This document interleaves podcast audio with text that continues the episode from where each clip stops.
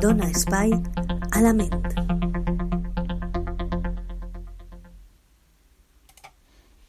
Hola a tots i totes. Benvinguts una setmana més a Dona espai a la ment.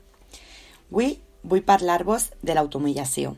Segur que alguna vegada heu escoltat aquest terme o bé l'heu empleat o vos heu sentit a vosaltres mateixa que vos heu automillat. Hi ha persones que per les seues característiques tenen tendència a automillar-se o també per certes situacions altres persones poden, poden veure's eh, obligades a humillar-se. Però el més important així i el que vull que tingueu clar és que avui, demà i sempre el més important eres tu, cuida't, valora't i fes-te respectar. Bé, per què m'humille? Sempre que parlem d'humillació ten, tendim a posar el focus en els altres, en l'acte en si, en situacions en les quals algú ens avergonyís fins al punt de sentir-nos humillats i embargats per una emoció negativa, molt dolorosa i que deixa sensacions relativament permanents en el nostre interior. S'associa més a una determinada situació o a situacions i pensaments sobre el que ens ocorre i es poden tornar tan negatius que el dolor mmm, continua produint un sentiment de poca valua personal cap a, cap a nosaltres mateixos. Eh, la pregunta és, per què l'ésser humà tendeix a humillar-se, a infringir-nos a infringir aquest, aquest mal i a generar aquestes emocions tan rebutjades i doloroses quan les provoquen les altres? Quan ens sentim humillats pels altres, poden reaccionar sentint diferents emocions, com la ira, la tristesa, la vergonya i, en casos extremos, la culpa. Les conseqüències que pot generar el manteniment d'aquesta emoció o d'aquestes emocions, com hem dit, poden ser molt negatives per a la persona, com hem, com hem dit abans.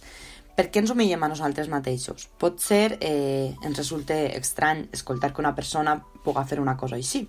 Així mateix, perdre's el, el respecte a, fins al punt de, de danyar-nos a nosaltres mateixos emocionalment oblidant el, el nostre valor com a ser humà.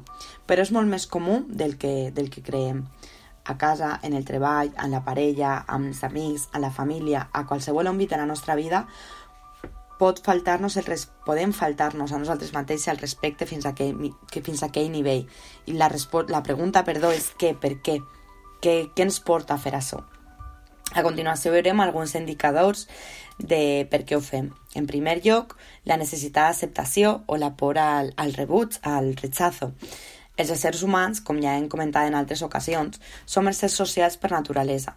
I per això necessitem el contacte amb els altres, però no solament el contacte, necessitem afecte, sentir-nos volguts eh, per, per les persones que estan al nostre voltant, també sentir-nos acceptats en tots els àmbits de la nostra vida, ja siga social, laboral, familiar a vegades arriben a humillar-nos per, per ser acceptats per els altres i per la por al rebuig. En l'àmbit del treball, o en l'àmbit laboral, és on solem passar més hores al llarg del nostre dia, o els xiquets i xiquetes i adolescents a l'escola, a l'institut o a la universitat. En aquest món de jornades laborals infinites, de crisis i, en l'actualitat, de molts treballs precaris, la necessitat de mantenir un tro de treball s'ha convertit en una prioritat – el treball sempre ha sigut un factor important en la nostra vida, tant socialitzador com, facilitador, com facilitador del, del manteniment per a poder-nos mantindre econòmicament i a vegades, sense adonar-nos i, de, i de manera intencionada o no, ens humillen per a no perdre-ho. La parella. La necessitat de viure en parella ve per dependència emocional, eh, o bé per por a la soledat, són alguns dels motius que poden portar el fet de que una persona accepti humillacions per evitar que la seva parella l'abandone. Algunes persones viuen la seva vida a, a través de la seva parella i serien capaços de fer qualsevol cosa per no perdre-la. Per exemple, a veure, pensem en una parella en la qual un dels dos ha deixat d'estimar de, a l'altra persona i decidís deixar-ho. La persona abandonada comença a pensar que, que l'única manera que té de, de mantindre a aquesta persona al costat és eh, rogar, diguem-lo, per alguna manera. Cridar-lo a tota hora, plorant, dient-li que és l'amor de la seva vida, que sense ell no és res, que la seva vida no era el res... Això és una manera de denigrar la nostra persona per a intentar aconseguir l'objectiu, que seria tornar amb aquesta persona. eh, en l'àmbit de la família. La família és el primer grup on ens socialitzem. És la primera socialització primària que tenen els xiquets i per a moltes persones el seu cerc és el seu cercle vital més important. A més de, de l'acceptació i per la por al rebuig, com hem vist al principi, un es pot, pot ser humillat per els seus familiars. Altre indicatiu és d'avaluar els altres. En, aquestes, en algunes ocasions, les pròpies humillacions poden anar dirigides a fer sentir a l'altra persona i fins i tot a danyar-la, però en lloc de fer-ho directament, ens humiliem perquè l'altra persona se senta malament. Altre àmbit és la protecció. Una persona pot decidir humillar-se davant d'una situació de perill, mm, de perill extrem, diguem, per a salvar la seva vida, com pot ser un atracament, un atemptat, una violació, una violació, perdó, Bé, com hem vist, hi existeixen moltes maneres en la qual ens humillem a nosaltres mateixos i moltes vegades sense adonar-nos.